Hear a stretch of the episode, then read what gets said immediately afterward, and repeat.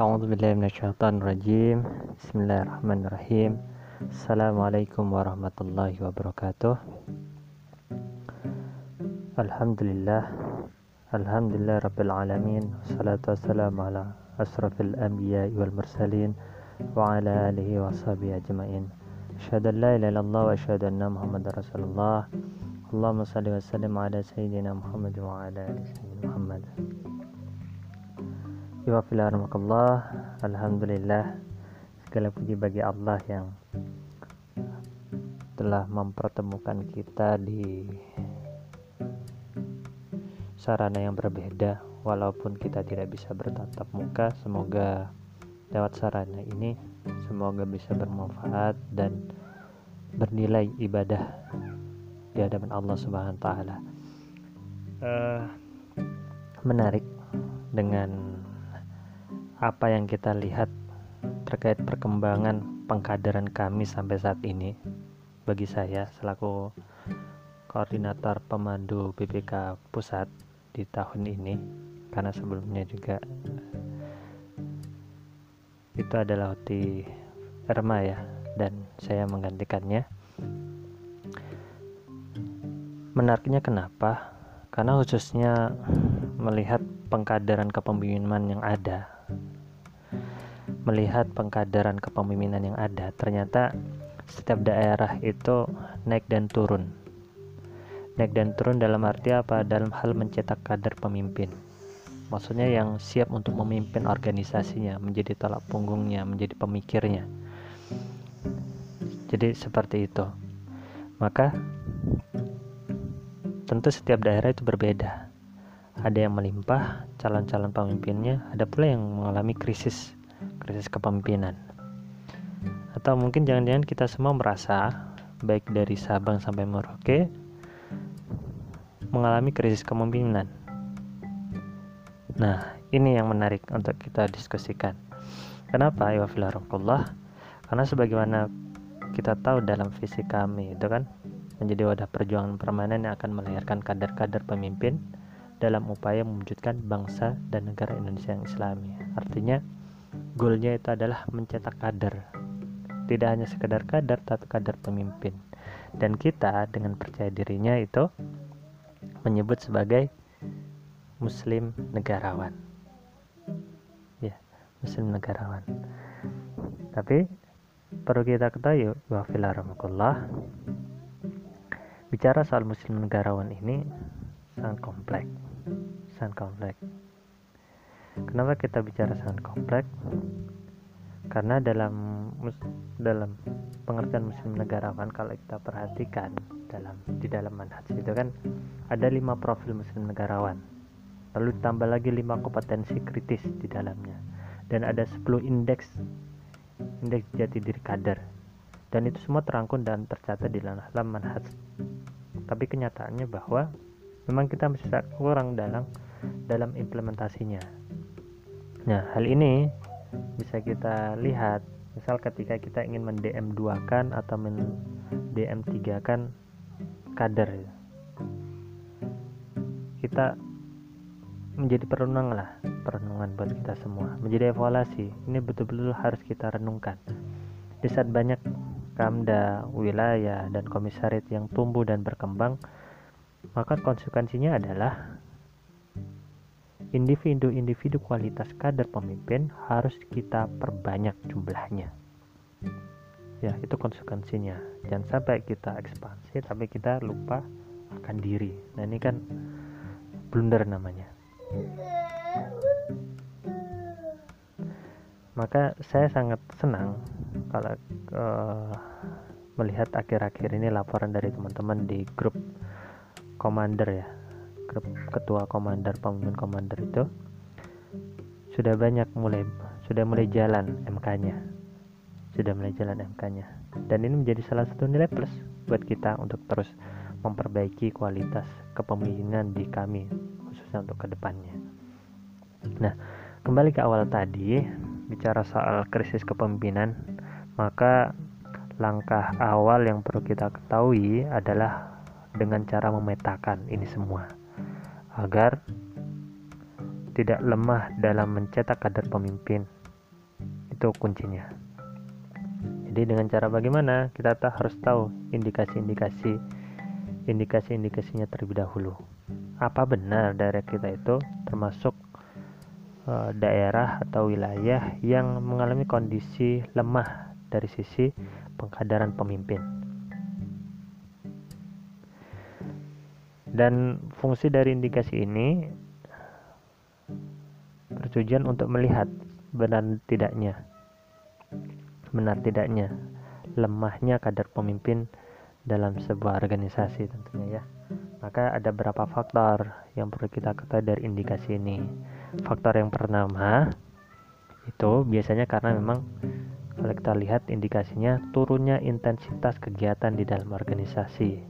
Jadi program-program yang ada itu tidak berjalan sesuai dengan proker sesuai dengan Eh, kesepakatan sebelumnya itu mengalami intensitas penurunan, penurunan intensitas. Yang kedua, organisasi ini tidak mencapai tujuan-tujuannya. Jadi yang namanya visi itu kan ada misi. Uh, misinya ini hampir tidak semua tercapai. Hampir tidak semuanya tercapai. Yang ketiga, sulit merealisasikan berapa sarana yang dibutuhkan.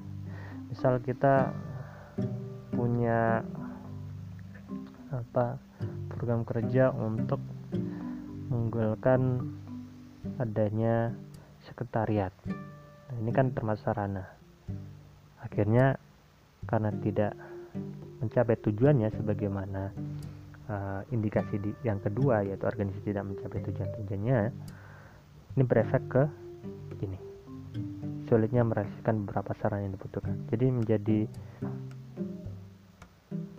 akumulasi nanti. Akumulasi. Bisa menjadi akumulasi. Yang keempat mulai bergugurnya banyak anggota. Anggota mulai hilang satu persatu. Secara baik secara baik secara pelan-pelan maupun hilang begitu saja. Itu salah satu indikasinya juga yang kelima adalah banyaknya perselisihan di antara pengurus. Jadi berantem. Kalau berantem dalam diskusi dalam rapat nggak masalah. Tapi ini di luar diskusi. Di luar diskusi. Dan kritikan yang tajam. Yang begitu tajam baik antar pengurus maupun ketuanya pemimpinnya atau yang memiliki wewenang kebijakan di dalam organisasi tersebut jadi seperti itu yang berikutnya, yang keenam, lamban dan ragu-ragu dalam mengambil keputusan. Ini pengambil kebijakan. Dia lamban sekali, mikirnya terlalu lama dan ragu-ragu kira-kira benar nggak, benar nggak, benar nggak. Dan yang terakhir adalah mulai banyaknya faksi, timbulnya faksi. Jadi mulai terbagi menjadi berapa kelompok dan itu juga menjadi salah satu indikasi perpecahan yang akan terjadi. Ya, adanya perpecahan antar pengurus yang itu nantinya akan berefek besar. Jadi itulah indikasi-indikasi wafil Allah yang perlu kita ketahui. Saya kira kalau kita perhatikan di lingkungan organisasi kita, bisa jadi lebih sedikit atau lebih banyak ya tergantung bagaimana antum menilai organisasi antum sekarang terutama di daerah maupun di wilayah ya nah dari indikasi-indikasi ini ini semua maka langkah selanjutnya bagi kita yang perlu diketahui adalah faktor-faktor penyebabnya. Gitu. Faktor-faktor penyebabnya. Apa faktor-faktor penyebabnya sehingga terjadi indikasi-indikasi seperti ini? Kita harus ketahui. Yang pertama adalah pemimpin dan atau pengambil kebijakan itu tidak konsisten dalam menetapkan tujuannya. Jadi pemimpin dan pengambil kebijakan itu tidak konsisten dalam menetapkan tujuannya. Jadi ragu-ragu, dia bimbang. Ini yang berbahaya. Yang kedua adalah para pengambil kebijakan atau pemimpin itu disibukkan dengan urusan pribadinya. Entah itu keluarganya, entah itu pekerjaannya, apa pun itu jelas di luar organisasi yang dia pimpin jadi otaknya itu sudah nggak di organisasi otaknya itu sudah pikirannya itu sudah cenderung keluar. Bagaimana barangkali menghidupi keluarganya atau barangkali bagaimana menyelesaikan skripsinya atau apa pun itu. Dan yang ketiga adanya sentralisasi program kerja. Jadi adanya sentralisasi program kerja ataupun yang saya tulis di situ adalah amal. Maksudnya dari sekian proker itu yang aktif yang jalan itu hanya satu departemen sisanya enggak. Itu semua difokuskan di sana karena dengan banyaknya masalah. Itu juga menjadi faktor juga. Jadi kalau di awal tidak diselesaikan misal soal yang lainnya maka adanya sentralisasi program kerja atau aksi di dalam sebuah departemen itu itu bisa menjadi faktor faktor-faktor penyebab uh, lemahnya pengadaran dalam hal kepemimpinan. Jadi begitu. Dan yang keempat, mempermudah naiknya anggota dalam memenuhi syarat dalam kenaikan jenjang. Nah, ini sempat kita bahas di awal. Kebanyakan kita karena memang butuh kader untuk menjadi ketua Kamda atau ketua komisariat atau ketua wilayah, kita lebih me menggampangkan untuk segera menaikkan menjadi anggota AB2 ataupun AB3 kita ikut sertakan. Ada ah yang ingin diikutkan DM3 lalu kita segera ikut di PMK kan dan seterusnya akhirnya kita ikut sertakan menjadi uh, peserta DM3 jadi ini bisa menjadi faktor. Karena kalau bicara soal kapasitas kapasitas itu harus sesuai dengan sesuai dengan kapasitasnya. Tidak tidak ada dusta di dalam menetapkan kemampuan si Allah itu. Yang berikutnya ya eh, pemimpin mulai hilang karakter dan wibawa kepemimpinannya. Ini bisa disebabkan karena pikiran tadi ya. Pikiran sudah ke mana-mana sehingga hilang tanggung jawab, yakni di mata anggota hilang mulai wibawanya karakternya itu mulai hilang juga jauh. Dan yang keenam yang ke F itu di dalam organisasi tersebut lebih banyak karakter eksekutor program dibandingkan karakter pemikir konseptor. Ya ini. Lebih banyak eksekusi eksekutor dibandingkan konseptor. Ini juga menjadi masalah buat kita jadi faktor penyebabnya. Kenapa? Karena konseptor itu begitu sangat penting dalam sebuah organisasi. Sangat penting dalam sebuah organisasi. Bagaimana mereka ditugaskan untuk memikirkan ke depan bagi organisasi tersebut. Bayangkan kalau misal ada konseptor yang itu justru sedikit dari dalam organisasi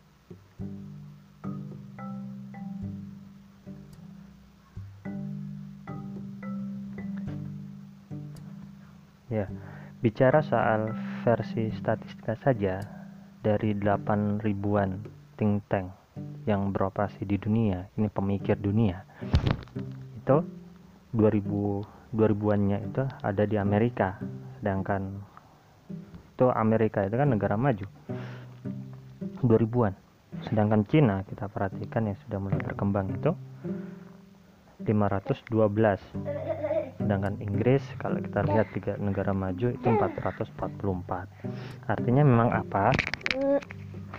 Artinya memang pemikir itu dalam sebuah kelompok ataupun organisasi sangat penting. Semakin banyak pemikir yang ada di dalam organisasi konseptor itu akan semakin bagus. Dialektika dalam hal berpikirnya pun akan semakin semakin maju semakin beragam. Dan saya yakin semakin banyak pemikir itu akan mendapatkan hasil dari diskusinya mendapatkan ide-ide gagasan yang lebih brilian tentunya.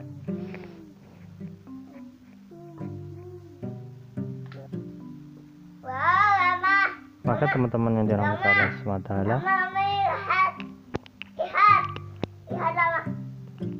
oh iya. Maka teman-teman yang dirahmati Allah SWT setelah kita bicara soal apa poin yang ke berapa tadi? 1 2 3 4 5 6 yang keenam tentang dibutuhkannya karakter konseptor atau pemikir yang lebih banyak dibanding eksekutor. Yang selanjutnya adalah faktornya faktornya adalah pengurus salah dalam menentukan skala prioritas. Iya, salah dalam menentukan skala prioritas. Apa yang dibutuhkan apa yang diinginkan oleh anggota dan termasuk organisasi secara umum itu salah dalam hal menentukannya. Dan yang berikutnya faktornya adalah tidak ada langkah efektif untuk memanajemen kepemimpinan.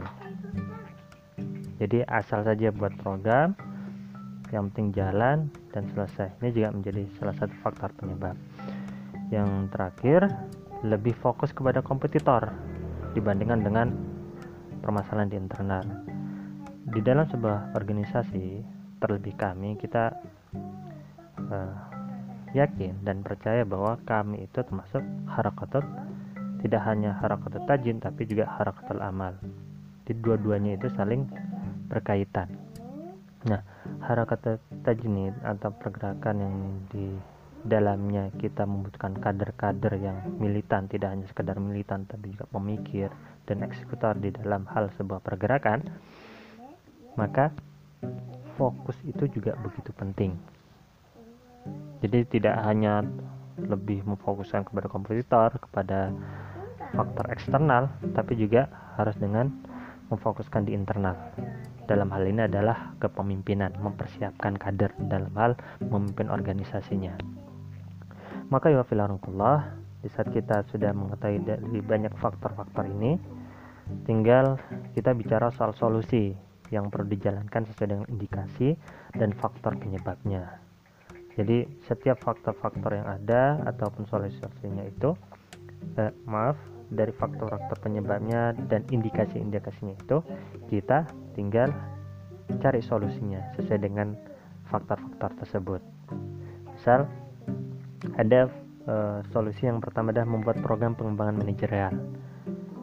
Jadi khusus kita mem, um, membuat program yang itu yang bertujuan untuk memanage kepemimpinan mengatur sedemikian rupa mengelola agar menjadi uh, organisasi yang kaya dengan pemimpin.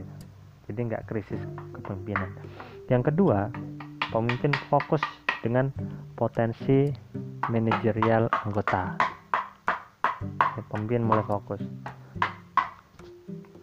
Mama, lama-lama kuda. yang berikutnya adalah adanya pelatihan kepemimpinan adanya pelatihan kepemimpinan dibuat secara rutin fokus dan tidak hanya sekedar asal program itu jalan tapi benar-benar fokus yang berikutnya, yang keempat adalah membuka tempat diskusi, ide gagasan, saran dan kritik. Nah, ini bagi ketika menghadapi faktor yang banyak faksi, banyak uh, kritik kepada pemimpin, kita buat ruang diskusi di sana, tempat diskusi di sana berbicara soal tidak hanya saran kritik tapi juga ide dan gagasan apa yang harus dilakukan supaya daerah dan wilayahnya itu berkembang dengan baik. Yang kelima adalah membuat tim khusus untuk fokus terhadap calon-calon pemimpin. Nah, ini nanti antum bisa sampaikan kepada eh, pemimpin, ketua, ketum, baik ketum wil maupun ketumda agar mempersiapkan tim yang terdiri tidak hanya uh, dari tim BPK tapi juga dimasukkan pemandu. Kenapa? Karena pemandu ini adalah orang-orang yang tahu persis bagaimana kader-kader dari sisi perkembangannya, baik dari sisi fikrahnya, pemikirannya, dari sisi karakternya, ataupun kepribadinya dan uh. Yang berikutnya adalah yang ke 1 2 3 4 5. Yang keenam, mendistribusikan tugas-tugas dakwah atau tugas-tugas program kerja itu kepada seluruh anggota. Semua jangan sampai ada yang nganggur. Mendistribusikan tugas-tugas dakwah kita jadi proker-proker itu semua terpijikan dan pastikan semuanya jalan sesuai dengan PJ-nya kenapa? Ketika itu bisa dilakukan maka mereka secara tidak langsung maupun langsung mereka akan belajar banyak tentang bagaimana mengemban amanah. Dari situ kita akan bisa menilai seberapa jauh kemampuan mereka seluruh anggota yang ada. Yang berikutnya yang ketujuh menggantikan ketua secara berskala, baik ketua panitia dan ketua kepala departemen dan ketua umum daerah maupun wilayah maupun ketua komisariat. Kenapa dengan itu? Mereka akan dilatih untuk siap memimpin. Ya tentu sakafahnya disiapkan terlebih dahulu. Perbanyak dia membaca buku dan seterusnya. Agar apa? Agar tidak ragu-ragu agar tidak ragu-ragu sebagaimana yang tadi salah satu indikasi bahwa lemahnya kepemimpinan itu adalah pemimpin ragu-ragu atau lamban. Nah, ini penting dia diharapkan terus belajar dan dalam proses belajarnya menjadi seorang ketua panitia ataupun ketua departemen atau ketua komisariat mereka itu siap untuk nantinya ditempatkan di daerah maupun di wilayah. Dan yang terakhir faktor uh, solusinya adalah bijak dalam menentukan keputusan sesuai aturan organisasi dan tidak terkesan dan atau menzalimi anggota. Ini penting. Kenapa? Karena ketika pemimpin atau ketua tidak mampu bijak dalam menentukan keputusan yang itu berdasarkan aturan organisasi dan berkesan justru menzalimi anggotanya, ini jadi musibah juga. Maka ketika ia bijak dan membuat sebuah keputusan sesuai aturan organisasi dan tidak terkesan menzalimi terhadap anggota, ingat ya, tidak terkesan. Tidak hanya menzalimi tapi tidak terkesan. Karena fitnah itu bisa muncul dari prasangka. Maka kita buatkan dalam bentuk bukti yang nyata bahwa kita benar-benar tidak menzalimi dan memang kita kesankan benar-benar tidak menzalimi. Jadi itu iwafillah bicara soal lemahnya pengkaderan dalam hal kepemimpinan eh, di dalam organisasi. Ya, sengaja saya sampaikan ini dengan tidak seperti biasanya dengan cara mengundang bahwa sepekan lagi atau tiga hari lagi atau empat hari lagi akan ada diskusi harapannya agar kita lebih santai dalam hal berdiskusi tidak kaku dan kita betul-betul bisa memanfaatkan sarana yang ada dan insya Allah insya Allah saya akan berusaha untuk meluangkan waktu di setiap akhir pekan ini untuk berdiskusi dari pengalaman-pengalaman yang saya miliki dari pengalaman-pengalaman yang saya punya dan teman-teman di BPK yang ada termasuk uh, pemikiran ataupun pengetahuan yang kita punya. Demikian yang bisa disampaikan. Wallahu kurang lebihnya maaf. Akhirul kalam. Uh, Assalamualaikum warahmatullahi wabarakatuh. Kalau ada hal ada ada hal-hal yang ingin ditanyakan, dipersilahkan. Salam Muslim negarawan.